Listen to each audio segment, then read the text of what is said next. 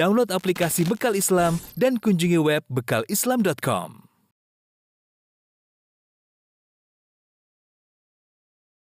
Bismillahirrahmanirrahim. Assalamualaikum warahmatullahi wabarakatuh.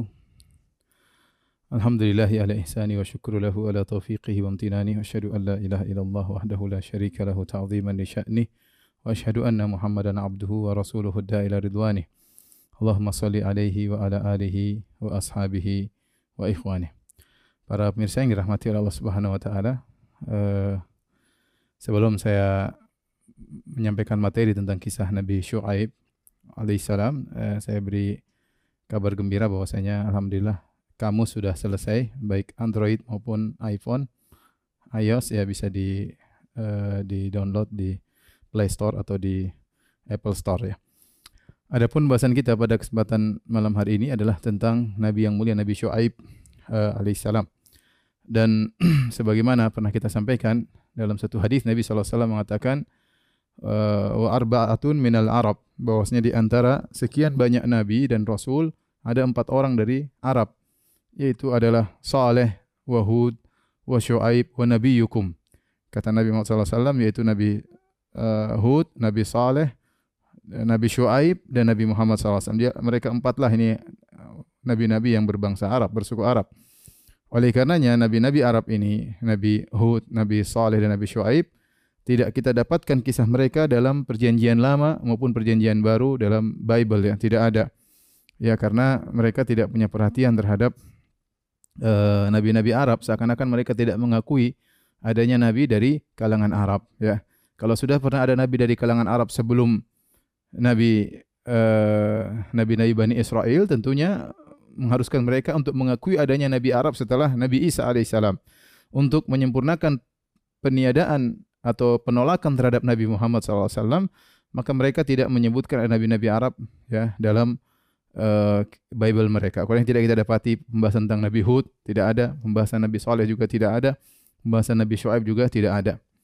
Uh, yang kedua, yang perlu kita uh, sebutkan juga bahwasanya ini bantahan kepada orang-orang ahlul kitab yang mereka mengatakan bahwasanya Rasulullah SAW hanya mencuplik dari perjanjian lama atau dari Taurat dan Injil ini tidak benar karena Nabi SAW tidak tahu membaca. Nabi ummi tidak bisa baca, tidak bisa tulis ya.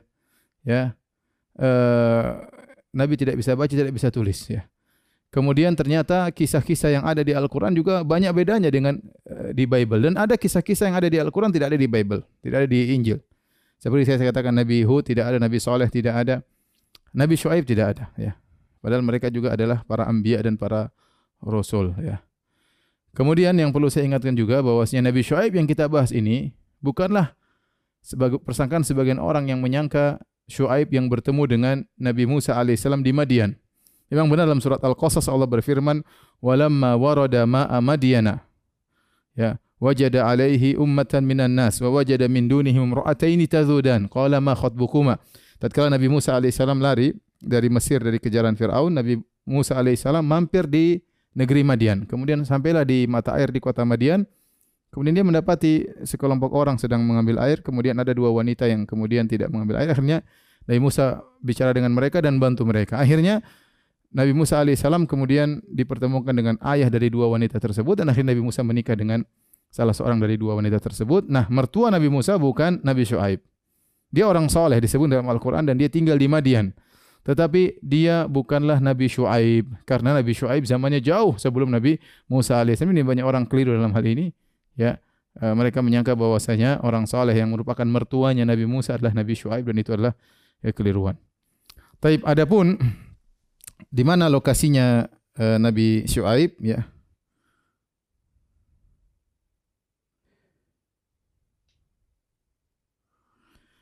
Uh, kalau kita gambarkan ya, lokasi Madian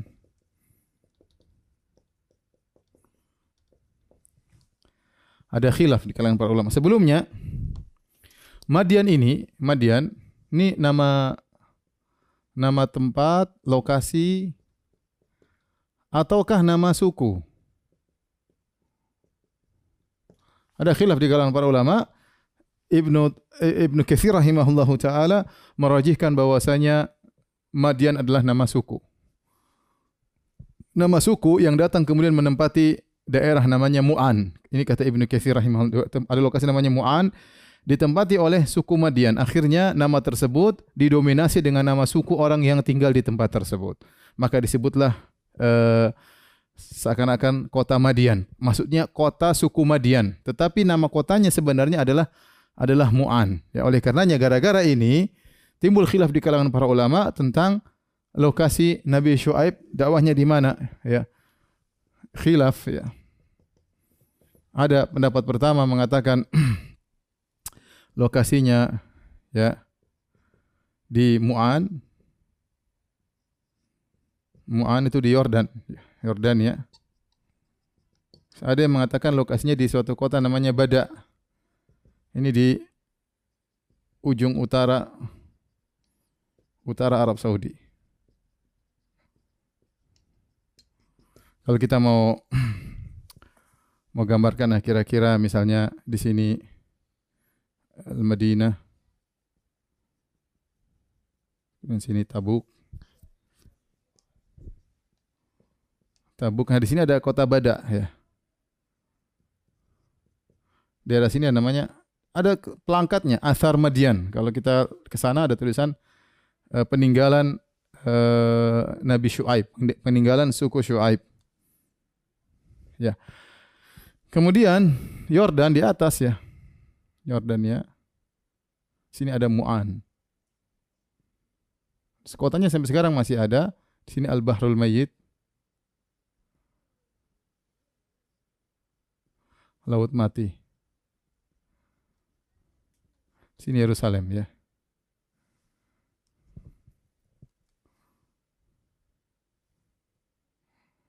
Yerusalem. Nah, uh, maka saya katakan tadi ada khilaf di kalangan para ulama tentang di mana lokasi suku Syuaib yaitu suku suku Madian. Apakah pendapat pertama adalah di Mu'an, pendapat kedua di Bada ya. Allah alam bisawab, tetapi ini Al-Bahrul Mayyit sebagaimana kita jelaskan pada pertemuan kemarin lokasi Nabi Lut. Menurut pendapat Ali salam. Dan Nabi Shu'aib ketika berdakwah kepada kaumnya dia mengatakan la yajrimannakum shiqaqi ay mithlu ma asaba qaum nuhin aw hudin aw qaum salih wa ma qaum lutin minkum bi ba'id kata Nabi Shu'aib kepada kaumnya qala Shu'aib wa ma qaum lutin minkum bi ba'id? Kata Nabi Shu'aib Shu'aib berkata alaihissalam dan kaum Lut alaihissalam tidaklah jauh dari kalian, tidak jauh dari kalian. Ya, ini dalam Al-Qur'an. Jadi kata Nabi Shu'aib, janganlah kalian bermasalah denganku, kalian ke akhirnya nanti terkena musibah yang pernah menimpa musibah kepada kaum Nuh, kaum Nuh, kaum kaum Hud, kaum Saleh dan ingat wa ma qaum Lutim minkum bi ba'id dan tidaklah kaum Lut jauh daripada kalian. Kita jarak kita dengan kaum Lut dekat. Nah, para ulama khilaf bahwasanya dan e, kaum Lut tidak jauh dari kalian. Apa maksudnya tidak jauh di sini? Tidak jauh maksudnya apa? Ya. Maka di sinilah khilaf di kalangan para ulama. Maksud apa maksudnya tidak jauh? Apa maksudnya? Tidak jauh ya. Di sini ada khilaf di kalangan para ulama, khilaf ya.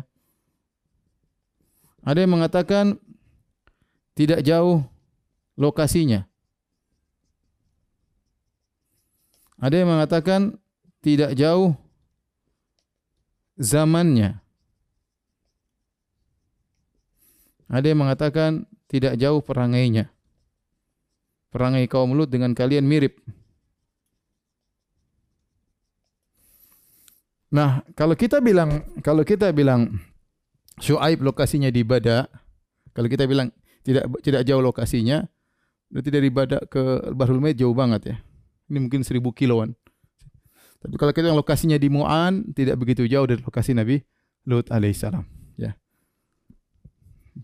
Ya Allah alam bisawab yang benar ya yang benar tiga-tiganya dimaknai tidak ada yang salah. Lokasinya tidak jauh dengan Nabi Lut. Zamannya pun tidak jauh dari zaman Nabi Lut alaihissalam. Kemudian perangainya pun tidak jauh dengan perangai kaum Nabi Lut alaihissalam. Ya. Jadi uh, kemudian uh, siapa Nabi Shu'aib ya? Nabi Shu'aib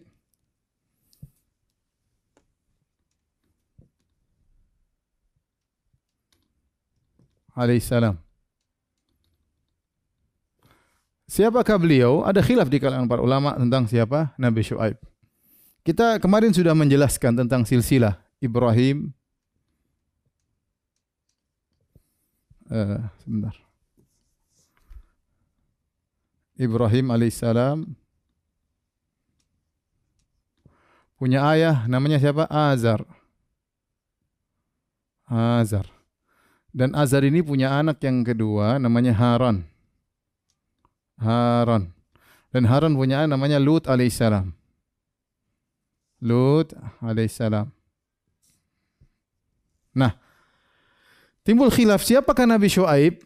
Nabi Shu'aib ini ada beberapa pendapat. Ada yang mengatakan bahwasanya ada yang mengatakan uh, Nabi Shu'aib pengikut Nabi Ibrahim.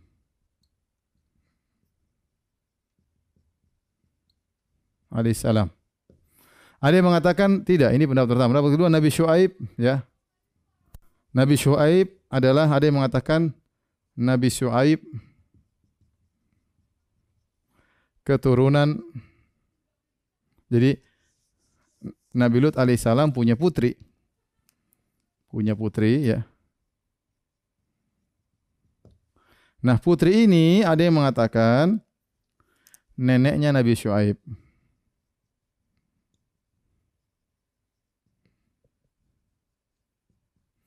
Ala kulli hal ya intinya intinya maksud saya intinya Nabi Shu'aib alaihissalam zamannya tidak jauh dari Nabi Lut alaihissalam. Apakah dia posisinya sebagai muridnya Nabi Ibrahim alaihissalam karena Nabi Lut ponakannya Nabi Ibrahim. Ataukah dia adalah cucunya Nabi Lut, cucu buyut-buyutnya Nabi Lut alaihissalam. Uh, intinya dia tidak jauh dari lokasi atau dari zaman Nabi Lut alaihissalam. Lah kira-kira ya uh, penjelasan sebelum kita masuk dalam akhlak mereka.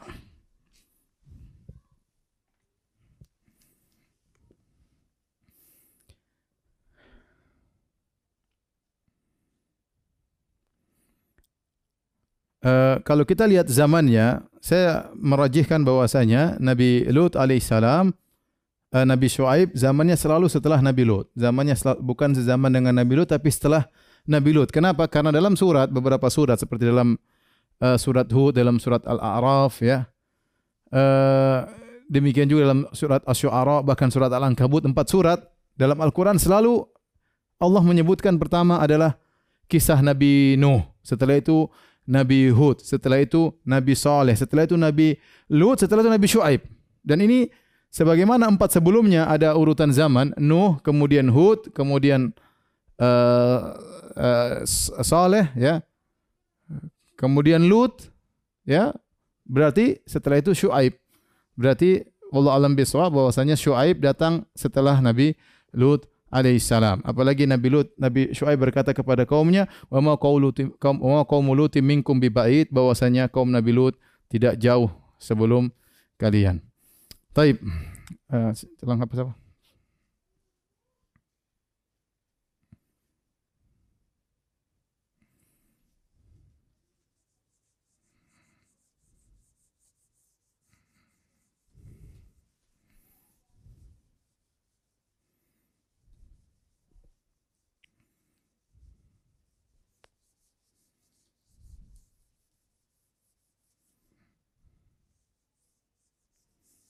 Semuanya.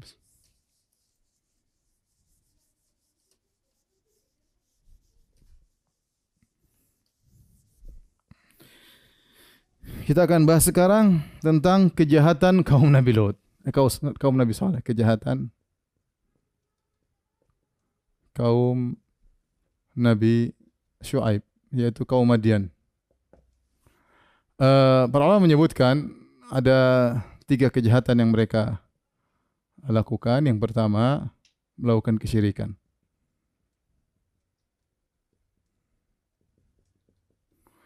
Mereka menyembah berhala, menyembah berhala berupa pohon, menyembah pohon yang namanya al-aikah. Yang mereka sebut dengan al-aikah.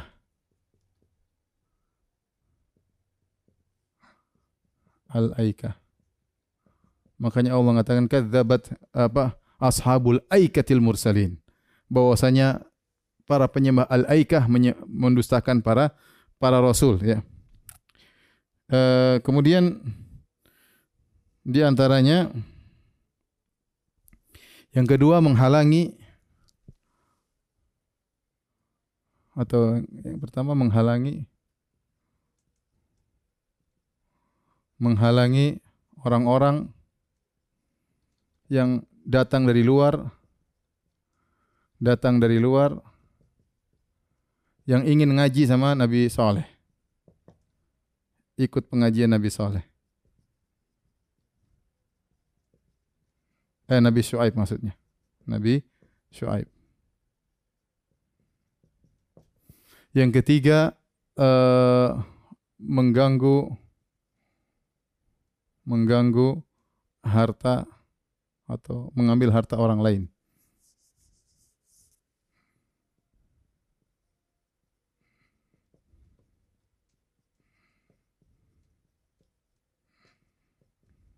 Dan ini disebutkan oleh para ulama dua bentuk ya. Pertama mereka menyamun, merampas merampas harta orang yang lewat. Atau tiga bentuk merampas harta orang orang lewat. Ada yang mengatakan mereka juga menarik pajak. Menarik pajak dari orang-orang yang lewat. Kemudian yang ketiga mereka mengurangi tambang, mengurangi timbangan. Mengurangi takaran dan timbangan. Ketika menjual. Ketika berjualan. Subhanallah. Jadi mereka ini melakukan banyak dosa ya, banyak dosa. Yang pertama mereka menyembah berhala namanya Al-Aikah, Al-Aikah. Yang kedua mereka menghalangi ya. Ada orang datang dari luar ingin ngaji sama Nabi Soleh dihalangi. Kata dia jangan ikut eh, Shu'aib, jangan berikut Shu'aib, Shu'aib pendusta. Sana diusir sama mereka. Jangan dengar Shu'aib, Shu'aib pendusta. Ya, mungkin Nabi Shu'aib waktu berdakwah di Madian tidak banyak yang ikut. Akhirnya ada dari luar-luar ingin datang dihalangi oleh suku Madian ya. Jadi menghalangi orang untuk ikut pengajian. Yang ketiga mengambil harta orang lain dengan merampas harta orang lain lewat atau dengan menarik pajak. Ini menarik pajak tanpa ada timbal balik. Ijma ulama menarik pajak tanpa ada timbal balik hukumnya haram. Ya, adapun menarik pajak dengan ada timbal balik, ini perlu pembahasan tersendiri. Tapi kalau menarik pajak tanpa ada timbal balik, ya maka ini jelas haram. Adapun kalau kita narik pajak kemudian ada timbal balik yang diberikan kepada orang tersebut, maka ini perlu pembahasan yang lebih jauh. Kemudian yang parah yang terkenal adalah mengurangi timbangan ketika berjualan. Makanya kata Nabi Saleh apa namanya? Wala tanqusul mikyal wal mizan inni arakum bi khair. Subhanallah Nabi Saleh mengatakan kepada mereka wala tanqusul mikyal wal mizan inni arakum bi khair. Apa maksudnya? Kata Nabi Saleh, janganlah kalian mengurangi takaran volume dan timbangan wazan yaitu timbangan liter atau kilogram jangan dikurangi. Kenapa kata Nabi Saleh? Ini arakum bi khair. Saya melihat kalian dalam kondisi baik, artinya mereka kaya. Kata para ulama ahli tafsir, ini arakum bi khair kata Nabi Saleh, kalian itu kaya. Sudah kaya ngapain ngurangi timbangan? Sudah kaya ngapain narik pajak dari orang? Sudah kaya ngapain ngerampok harta orang? Ini masalah.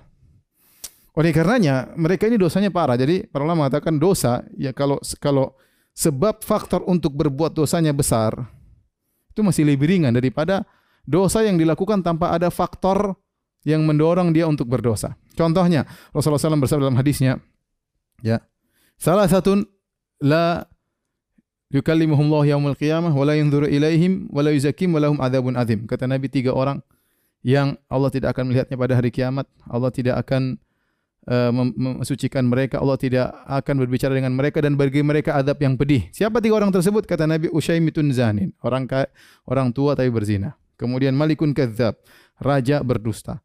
Yang ketiga Ailun mustakbir, miskin sombong. Kenapa tiga orang ini mendapatkan dosa yang lebih daripada yang lainnya? Semuanya dosa ini. Sombong dosa, bohong dosa, zina dosa. Tetapi kalau dilakukan tiga orang ini lebih parah. Kenapa? Karena faktor sebab untuk bermaksiat sudah minim. Contoh, kata Nabi SAW, Ushaimitun zanin. Orang tua berzina. Orang tua harusnya sudah bertobat, kembali ke masjid, berdoa kepada Allah. Ini sudah tua masih berzina. Sementara syahwat dia sudah turun, uh, apa dan tapi dia tetap berzina, maka dia tidak sama dengan pemuda yang berzina. Pemuda berzina dosa besar, tapi orang tua berzina lebih parah. Yang kedua malikun kadzab, raja berdosa. Kata para ulama ngapain dia berdosa? Dia ngomong semua orang dengar. Ngapain dia berdosa? Tidak perlu dia untuk berdosa. Sementara dia tidak perlu berdusta, dia pun masih berdusta, maka dosanya lebih besar daripada orang-orang biasa yang berdusta. Yang ketiga, ailun mustakbir. Do, sombong, semua orang sombong dosa. Tetapi kalau miskin, terus sombong itu lebih lebih dosa daripada kaya yang sombong. Kalau kaya yang sombong ya biasa, orang kaya sombong dan itu dosa. Tetapi kalau miskin kemudian sombong lebih parah lagi. Kenapa? Karena faktor untuk sombong nggak ada. Harusnya orang miskin tawadhu ini malah sombong. Sama seperti mereka ini. Mereka ini buat apa ngambil harta dari orang? Mereka bukan orang miskin. Kalau penyamun-penyamun yang miskin-miskin ngerampok sana sini ya dosa tapi lain ini mereka ini arakum bi khair kata Nabi saleh. Ai fi sa'atir rizq kata para ahli tafsir kalian rezeki kalian lancar, rezeki banyak. Terus ngapain kalian ngurangi timbangan? Ngapain kalian menarik pajak? Ngapain kalian ngambil harta? Oleh karena ini dosa yang yang yang, yang sangat yang terkenal dari mereka mereka mengurangi timbangan. Makanya Allah mengatakan wailul mutaffifin, celaka bagi orang-orang yang mengurangi timbangan. Ternyata Allah pernah mengadab satu kaum gara-gara mereka mengurangi timbangan. Oleh karenanya ini perhatian bagi kita, jangan sampai kita mengurangi timbangan. Jangan menganggap sepele masalah ini. Semua dosa berkaitan dengan orang lain tidak ada yang ringan, semuanya besar, ngeri. Tidak ada tidak ada yang di, di, ringan. Lebih, lebih kalau dosa kita kita dengan Allah masih lebih ringan, Allah mudah memaafkan. Tapi kalau dosa kita dengan orang lain repotnya pada hari kiamat kelak kita akan hidup olehnya. Oleh karenanya Sufyan Ats-Tsauri mengatakan mengatakan rahimahullahu taala ya la antal qallaha bi sab'ina dzamban fima bainaka wa bain Allah ahwanu alayka min antal qah bi dzambin wahidin fima bainaka wa ibad. Kau bertemu dengan Allah dengan 70 dosa. Masih lebih ringan daripada kau antara engkau dengan Allah daripada kau bertemu dengan Allah bawa satu dosa antara engkau dengan orang orang lain ya. Oleh karenanya inilah dosa yang sampai sekarang masih diwariskan oleh sebagian kaum muslimin ya ngurangi timbangan, ngurangi takaran, ngurangi ini, ngurangi anu dan itu jangan dianggap sepele. Kata Allah, wailul lil mutaffifin. Celaka bagi orang-orang yang mengurangi takaran. Tatfif itu sedikit, tidak banyak. Kalau kurangin banyak kan ketahuan. Jual 10 kilo, kurangi cuma satu ons. Ya orang nggak tahu, tapi Allah tahu. Wailul mutaffifin. Orang tidak tahu. Kalau kurangi sekilo ketahuan. 10 kilo kurangi satu ons nggak kerasa, tapi itu repot di sisi Allah pada hari kiamat repot ya. Taib. Adapun al-aikah Al-Aika. Sekarang bahas Al-Aika. Al-Aikatu ya. Uh, jadi dalam ayat satu ayat Allah berfirman ya. Kadzabat kadzabat ashabul aikata aikatul mursalin.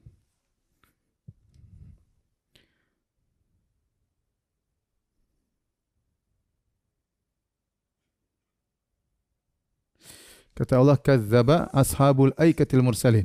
Kadzaba ashabul aikati al mursalin. Ya. Kadzabat ashabu aikati al mursalin idh qala lahum syu'aibun ala tattaqun. Idh qala lahum syu'aibun ala tattaqun. Ini dalam surat Al-Ankabut, dalam Syu'ara, dalam surat Syu'ara. Taib, ini ayat pertama. Ayat yang kedua kata Allah Subhanahu wa taala wa ila madyana akhahum syu'aiba. Wa ila madyana akhahum syu'aiba. Qala ya qaum ibudullaha ma lakum ilahin ghairuh. Yang pertama perhatikan, Allah berfirman dalam ayat pertama, ashabul aikah orang-orang yang selalu menyembah aikah telah mendustakan para rasul. Tatkala Syuaib berkata kepada mereka, di sini hanya Allah yang mengatakan Syuaib berkata kepada mereka, tidak kalian bertakwa? Perhatikan. Yang kedua, Allah mengatakan wa ila madyan akhahum. Dan kepada Madian kami utus saudara mereka. Saudara mereka. Yaitu Syuaib. Syuaiba. Faqala ya qaum dan mereka Syuaib berkata, sembahlah Allah dan tinggalkanlah selain Allah Subhanahu wa taala. Nah, di sini khilaf di kalangan para ulama. Khilaf, dua pendapat. Pendapat pertama mengatakan Nabi Shu'aib alaihissalam diutus kepada dua negeri. Yang pertama Madian, yang kedua Al-Aikah. Apa dalilnya? Dalilnya ketika Allah menyebut tentang Al-Aikah, Allah tidak mengatakan saudara mereka. Perhatikan, kadzdzaba ashabul aikatil mursalin id qala lahum Syuaib. Sungguhnya ashabul aikah telah mendustakan para rasul tatkala Syuaib berkata kepada mereka. Ya. Adapun ayat kedua, Allah mengatakan kepada Madian kami utus saudara mereka, Syuaib. Ya. Jadi adapun Al-Aikah, Al-Madian adalah sukunya Syuaib. Adapun Al-Aikah bukan sukunya Syuaib. Jadi mereka adalah dua suku. Ini pendapat pertama, pendapat kedua dan ini pendapat yang dirajikan oleh Ibnu Katsir rahimahullah taala bahwasanya uh, Madian Madian itulah Ashabul Aikah. Tidak ada bedanya. Madian itulah Ashabul Aikah. Hanya saja Ketika Allah mengatakan ashabul aika ini berkaitan dengan sesembahan mereka, sesembahan mereka.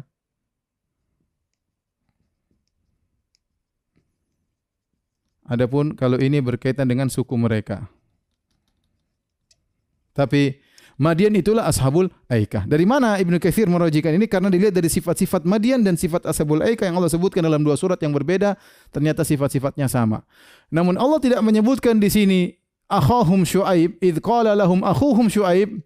Allah tidak menyebutkan lafal saudara di sini. Kenapa? Karena Allah sedang menyebutkan tentang penyembahan terhadap berhala. Kalau Allah mengatakan para penyembah berhala Aikah telah mendustakan para rasul tatkala saudara mereka seakan-akan Nabi Syuaib juga menyembah berhala menyembah Aikah.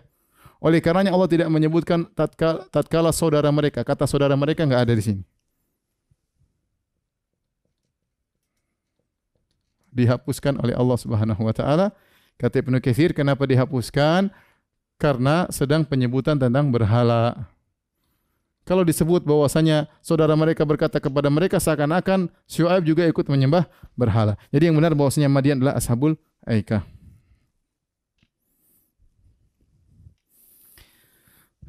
Taib. Siapa yang menghapus? Apa sih,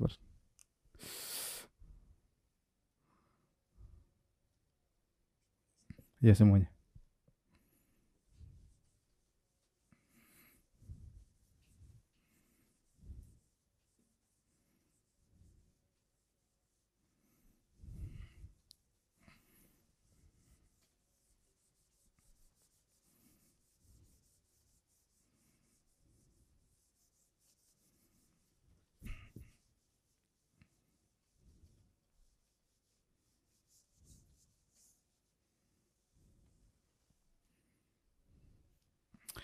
Taib, kita akan uh, membacakan firman-firman Allah tentang dakwahnya Nabi Shu'aib terhadap mereka.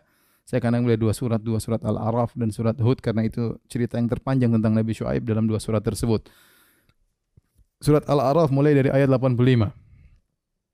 Allah Subhanahu wa taala berfirman, "Wa ila Madyana akhahum Syu'aiban qala ya qaumi ibudullaha ma lakum min ilahin ghairuh qad ja'atkum bayyinatu min rabbikum." Kepada Madian kami mengirim saudara mereka Syuaib.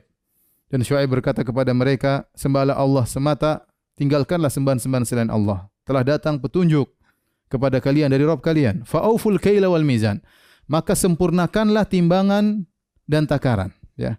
Kata Allah, kata Syuaib, fa'auful kaila wal mizan.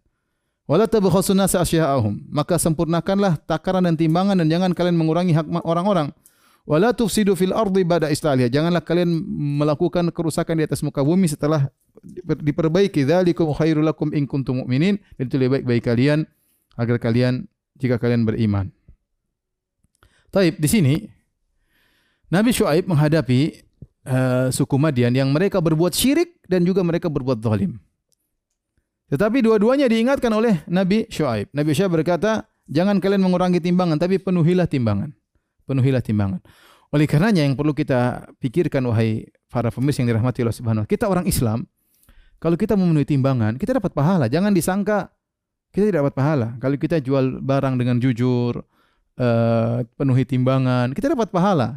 Dengan jujur berjualan saja itu sudah dapat pahala. Ya kenapa? Karena kalau kita nggak jujur berdosa dan kita disuruh untuk memenuhi takaran. Jadi jangan kita sangka bosnya pahala cuma ke masjid, cuma baca Quran, ikut pengajian. Tidak, kita jualan pelayanan servis dengan baik, sesuai dengan hak orang, menunaikan hak orang, jual barang, timbangannya sesuai, takarannya sesuai, itu dapat pahala. Kalau Nabi Shu'aib ingatkan kepada mereka, wa auful kaila wal mizan, sempurnakanlah timbangan dan takaran. Sempurnakanlah timbangan dan dan takaran. Dan ini juga dibahas oleh para ulama tentang apakah al-kuffar mukhatabuna bi furu'i syariah ini masalah usul fikih. Apakah orang-orang kafir juga diperintahkan untuk menjalankan eh, perkara-perkara uh, furu' dari syariat selain tauhid? Ini bahasan tapi intinya mereka juga bahasan panjang tapi intinya uh, mereka juga disuruh untuk menjalankan syariat Islam meskipun mereka belum Islam. Mereka juga disuruh artinya kalau mereka tidak mengerjakan mereka dapat dosa. Mereka dapat dosa tapi ini saya tidak ingin panjang lebar karena ini masalah usul fikih nanti membingungkan para pemirsa yang dirahmati oleh Allah Subhanahu wa taala. Uh, taib para pemirsa yang dirahmati oleh Allah Subhanahu wa taala ya. Uh, kemudian Nabi Syuaib berkata, "Wala taqudu bi kulli siratin tu'iduna wa tasudduna an sabilillahi man amana bihi wa tabghuna wajah." Jangan kalian duduk nongkrong di jalan nakut-nakuti orang ya dengan menarik pajak dari mereka atau merampas harta mereka, ini kejahatan mereka juga. Wa tasudduna an sabilillah dan kalian menghalangi orang yang ingin ke, ke Nabi Syuaib kalian halangi, jangan ke Syuaib, Syuaib pendusta. Tadi kita sebutkan bentuk dosa-dosa mereka di antaranya menzalimi orang lain dengan mengambil hartanya atau merampas minta pajak tanpa hak atau uh, kemudian menjual barang dengan dikurangi, di antaranya menghalangi orang lain yang ingin datang kepada Nabi Shu'aib untuk beriman kepada Nabi Shu'aib. Kemudian Nabi Shu'aib berkata, "Wazkuru id kuntum qalilan fakatsarakum." Hendaknya kalian ingat dulu kalian sedikit. Kemudian Allah perbanyak jumlah kalian. Wanzuru kaifa kana akibatul mufsidin dan lihatlah bagaimana akibat dari orang-orang yang melakukan kerusakan. Lihatlah bagaimana kaum Lut, kalian tahu. Wa ma qaulu kaum Lut minkum bi baik, kalian tahu cerita tentang Lut bagaimana umatnya di dibinasakan oleh Allah Subhanahu wa taala. Ya. Kemudian Nabi Syuaib berkata, "Wa in kana ta'ifatu minkum amanu billadzi ursiltu bihi wa ta'ifatul lam yu'minu." Seandainya ada sebagian dari kalian beriman dan sebagian lain tidak beriman, ya sebagian kalian beriman, sebagian kalian tidak beriman, fasbiru hatta yahkumallahu bainana, maka bersabarlah sampai Allah memberi hukuman di antara kita wa huwa khairul hakimin dan dia sebaik-baik pemberi keputusan. Kata para ulama, Nabi Shu'aib disebut dengan khatibul anbiya, ahli khutbahnya para nabi. Sehingga dia tatkala menyampaikan hujah dengan penuh kelembutan, dia bantah satu persatu, dia sebutkan kesalahan-kesalahan mereka. Sampai dengan penuh lembut, kelembutan beliau berkata begini, coba. Kalau ada yang beriman di antara kalian, oke. Okay. Ada yang tidak beriman, oke. Okay. Ya sudah, sabar aja. Kita tunggu keputusan Allah Subhanahu Wa Taala. Ya, tidak mengatakan ente tidak beriman, neraka mati enggak mampus enggak. Sampai dengan penuh kerendahan dia berkata, saya tahu sebagian kalian beriman, Sebenarnya kalian tidak beriman, ya sudah, tunggu aja lah. Kita serahkan kepada Allah, nanti Allah yang kasih keputusan. Menunjukkan bagaimana lembutnya dia dalam menyampaikan dakwahnya kepada kaumnya. Kemudian apa? Setelah lembutnya Nabi Shu'aib, mereka sombong. Mereka kata Allah, "Qala al-mala'u alladziina istakbaru min qaumihi." Berkatalah ya pemuka-pemuka yang menyombongkan diri mereka dari kaum Nabi Shu'aib, dari Madian, suku Madian. Istakbaru itu mereka memang cari kesombongan, cari keangkuhan. Mereka mengancam, "Lanukhrijannaka ya Syuaib." Kami akan mengeluarkan engkau hai Syuaib walladzina amanu ma'aka bersama orang beriman kepada kepada engkau min qaryatina. Kami akan usir kalian au la ta'uduna fi millatin atau kalian kembali kepada agama agama kami. Maksudnya apa? Orang-orang yang beriman kepada Nabi Syuaib dulunya musyrik seperti mereka, sama-sama menyembah al-aikah. Kemudian mereka beriman kepada Nabi Syuaib tapi mereka orang-orang miskin. Mereka orang miskin. Nah, Nabi Syuaib sudah berdakwah dengan mereka dengan penuh kebaikan, mereka malah ngancam. Kalau kalian ya masih terus mendakwahkan iman, kami akan usir kalian dari kampung kami. Kecuali kalian kembali kepada agama agama kalian ya. Dan ini banyak ya. Saya punya kawan, dia punya risalah kecil di internet sampai uh, yang download sampai lebih dari 100 ribu ya risalah tersebut tipis dari Suriah. Dia cerita dia ketemu saya ke haji kemarin, dia cerita. Dia kemudian sempat saya downloadkan kemudian Syekh Abdul Razak juga baca waktu itu bersama saya sampai selesai dia baca. Hafizahullah. Jadi inti risalah tersebut dia ingin menjelaskan ini apa risalah tentang uh, tentang tasliyah, tentang hiburan bagi orang-orang terusir dari kaumnya. Dia ingin menulis risalah tersebut kepada orang-orang Suriah yang harus keluar dari negerinya. Banyak di antara mereka harus berhijrah, meninggalkan kampung halamannya, tanah kelahirannya, entah ke negara mana, entah ke negara mana, ya. Maka dia tulis risalah tersebut. Di mukaddimah risalah tersebut saya sempat baca juga disebutkan yang terusir bukan cuma kita. Sungguhnya orang-orang soleh, para ambia dahulu mereka juga diancam diusir oleh kaumnya. Nabi Muhammad SAW diusir dari kota Mekah menuju Madinah. Ya. Nabi Ibrahim alaihissalam sebelumnya diusir diusir oleh kaumnya. Nabi Lut alaihissalam diancam untuk diusir. Nabi Shu'aib diancam untuk apa? Di, diusir. Jadi biasa orang-orang soleh terusir dari negerinya itu hal yang yang biasa. Dan itu adalah ujian dari Allah Subhanahu wa taala. Makanya ketika Nabi Muhammad SAW pergi meninggalkan kota Mekah, kata Al-Aini ibtalallahu nabiyahu bi firaqil watan. Sungguhnya Allah menguji Nabi Muhammad SAW dengan meninggalkan kampung halamannya. Nabi Saleh waktu Nabi Shu'aib waktu diancam untuk diusir kata Nabi Nabi Shu'aib awalau kunna karihin. Kita tidak mau diusir dan kita tidak mau untuk kembali kepada agama kami yaitu kesyirikan. Karena pengikut Nabi Shu'aib dulunya ada yang syirik. Nabi Shu'aibnya enggak. Nabi Shu'aib enggak pernah syirik tapi pengikutnya dulu syirik. Qad iftaraina 'ala Allahi kadziban in udina fi millatikum. Sungguh kami telah berdosa nama Allah kalau kami kembali lagi kepada agama kalian. Ba'da idz najjana Allahu minha setelah Allah menyelamatkan kami. Gimana mau kembali lagi? Allah sudah selamatkan kami daripada kesyirikan menuju tauhid, terus kembali kepada tauhid, ya. Tahib. Kemudian kata mereka, kata Nabi Shu'aib, "Wa ma yakunu lana an na'uda fiha illa ayyasha Allahu rabbuna." Kami tidak bakalan kembali kepada agama kesyirikan kecuali Allah berkehendak lain. Wasi'a rabbuna kulla syai'in ilma. Sungguhnya ilmu Allah meliputi segala sesuatu. Ala Allahi tawakkalna. Kami bertawakal kepada Allah dan tidak ada kalau kita lemah mau diapain tinggal bilang apa? Ala Allahi tawakkalna. Bertawakal kepada Allah. Rabbana ftah bainana wa baina qaumina bil haqq. Ya Allah, berilah keputusan antara kami dengan kaum kami. Wa anta khairul fatin dan engkau sebaik-baik pemberi keputusan. Apa yang dilakukan oleh kaum Syuaib? Wa qala al mala'u alladhina kafaru min qaumihi la in ittaba'tum syuaiban innakum idzal khasirun. Mereka provokator. Eh, ini yang masih kafir-kafir diingatkan. Jadi dia semuanya mereka bilang kepada yang masih kafir mulai tertarik sama dakwah Nabi Syuaib, eh jangan ikut Syuaib. Kalau kalian ikut Syuaib, kalian benar-benar akan merugi. Kalian akan benar-benar merugi, ya. Fa akhadathumur rajfatu fa asbahu fi. Akhirnya Allah berikan mereka rajfah, itu gempa yang besar ya fasbahu fi darihim jathin akhirnya mereka meninggal dalam kondisi tersungkur. Kata Allah alladzina kadzdzabu syuaiban ka'allam yaghnau fiha. Sungguhnya orang-orang yang mendustakan syuaib seakan-akan mereka belum pernah tinggal di negeri tersebut. Hilang sama sekali. Alladzina kadzdzabu syuaiban kanu humul khasirin. Dan orang-orang yang mendustakan syuaib mereka lah yang yang merugi. Dan benar telah berlalu orang-orang sebelum kita orang-orang yang puncak kesombongan luar biasa. Namrud Firaun ya. Ke mana mereka? Hilang semuanya ya.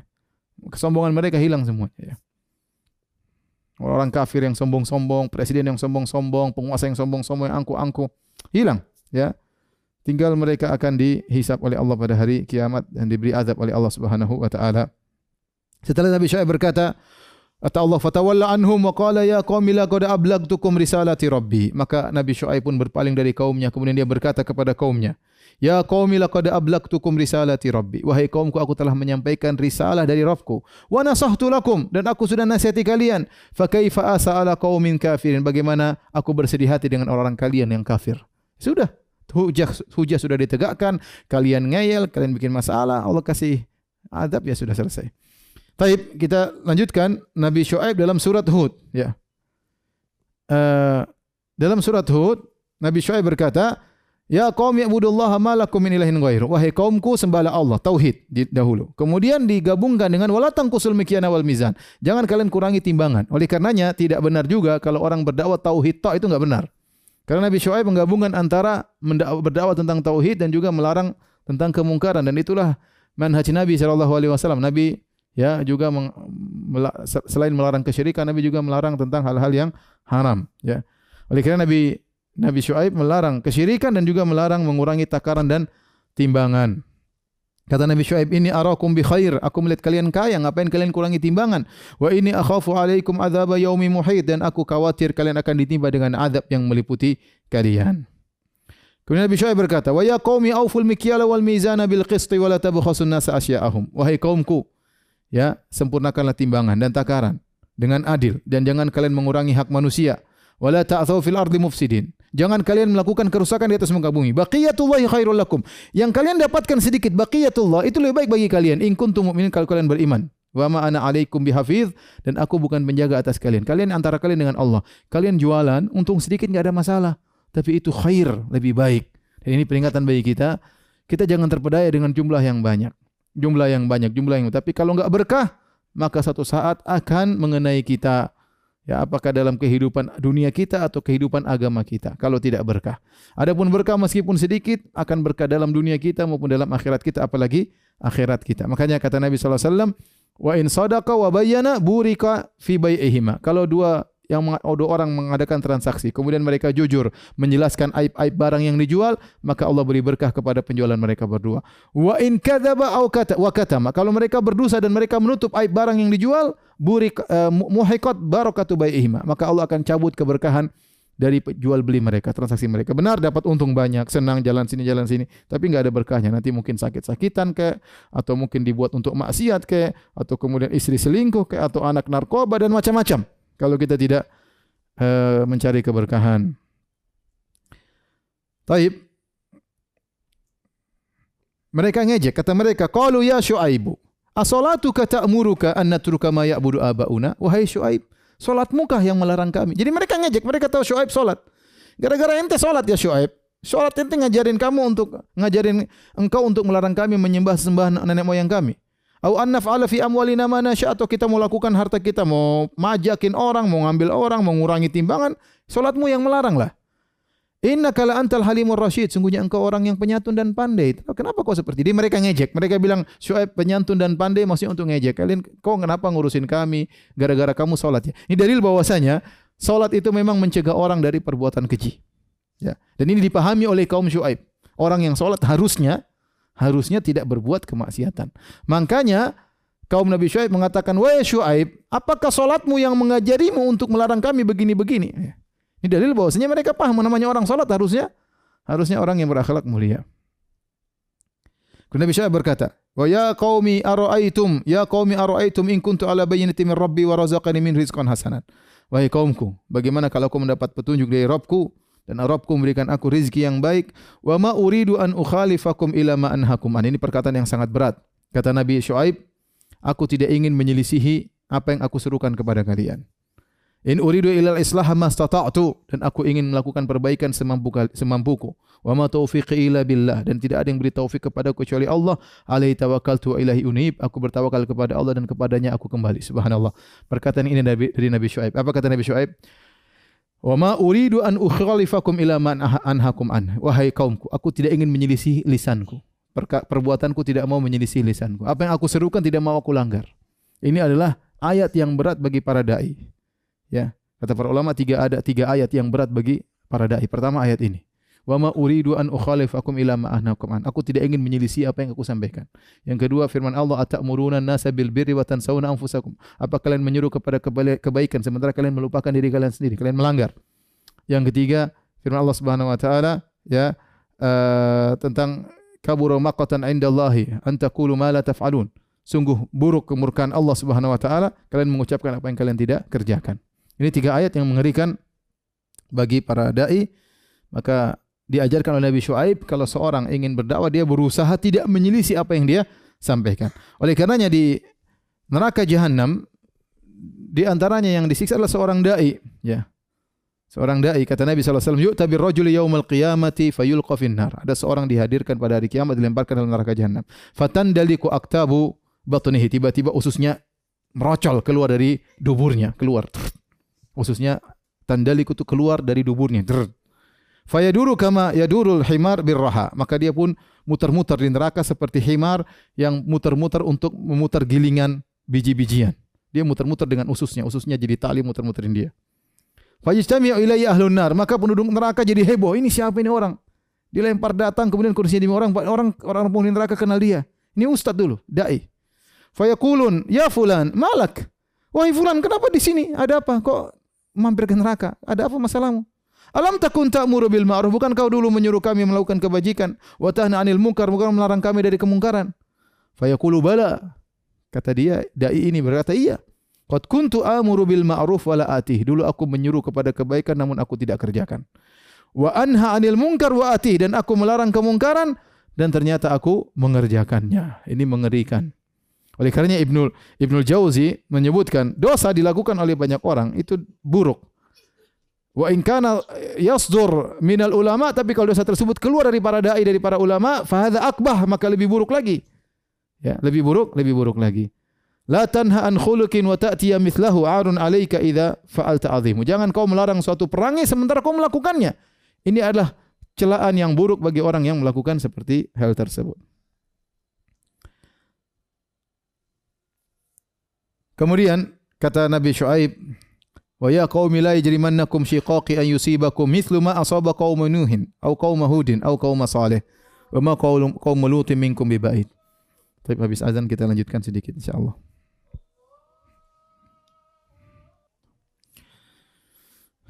Tapi para pemirsa yang dirahmati Allah Subhanahu wa taala, setelah itu Nabi Syuaib berkata, "Wa ya qaumi la yajrimannakum shiqaqi ay yusibakum mithlu ma asaba qaum Nuhin aw qaum Hudin aw qaum Salih wa ma qaum Lutin minkum bibait." Itu Nabi Syuaib berkata, "Wahai kaumku, jangan sampai ya pertentanganmu denganku menjadikan kalian berbuat dosa sehingga kalian akan ditimpa dengan apa yang menimpa kaum Nuh, kaum Hud dan kaum Saleh dan sungguhnya apa yang menimpa kaum Lut baru saja terjadi." Seakan-akan Nabi Shu'aib berkata, kalau kalau kalian tidak suka dengan aku, kalian tidak suka dengan caraku, kalian tidak benci dengan. Yang penting kalian jangan kau kufur lah, karena kalian kufur nanti kalian ditimpa dengan azab.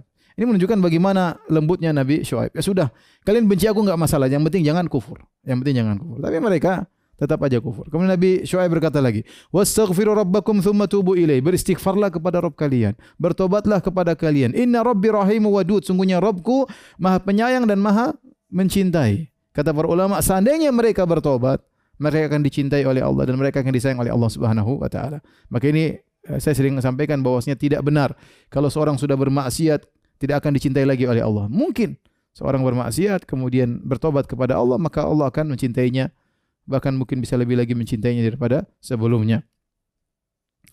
Kemudian mereka menjawab ngejek lagi. Qalu ya Syuaib ma nafqahu katsiran mimma taqul. Wahai Syuaib, kami enggak paham dengan kebanyakan apa yang kau obrolkan.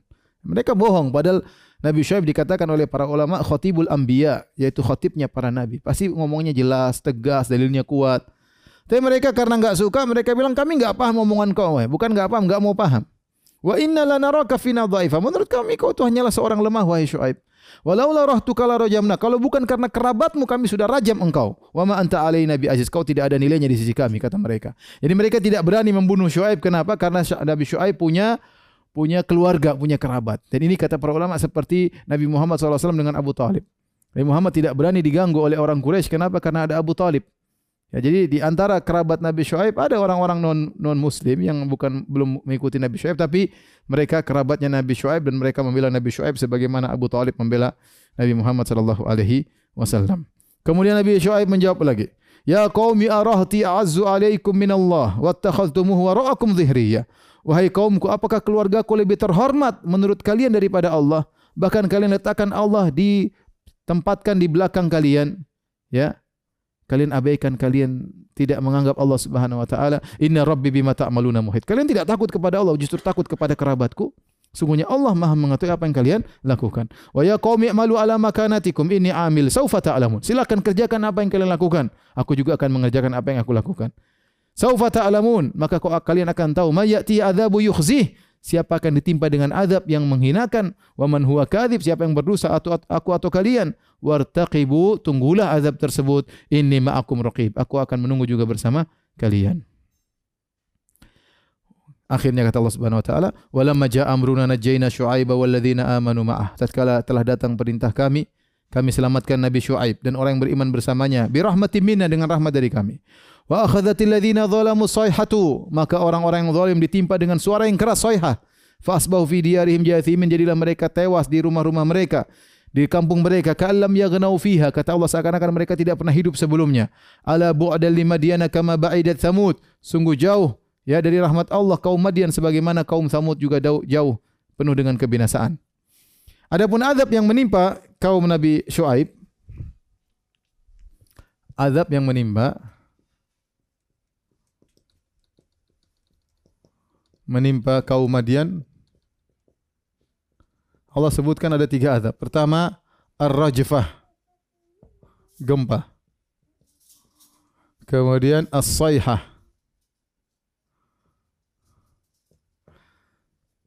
Suara guntur keras. Uh, yang ketiga uh, kilat ya, halilintar ya, kilat. Menimpa tiga tiga tiga adab ini, tiga adab ini ya. Kata para ulama rajfah karena mereka bikin selalu bikin bimbang orang, orang yang datang digaung-ganggu. Jangan-jangan kebikin mereka akhirnya didatangkan gempa oleh Allah. Kata Ibnu Katsir, mereka dikasih suara karena mereka selalu debat. Ya Syuaib kamu ngomong apa? Saya enggak paham. Maka Allah kasih suara mereka biar mereka tidak usah banyak omong. Yang ketiga mereka diminta datangkan kilat guntur apa lintar di langit karena mereka minta. Ya, kata mereka turunkanlah hukuman dari langit wahai Syuaib ya, wahai Syuaib. Jadi mereka yang minta kepada Allah ya. Kata Allah fakadzabuhu fa akhadhahum adzabu yaumi. Ini adzabu yaumi dhullah ya.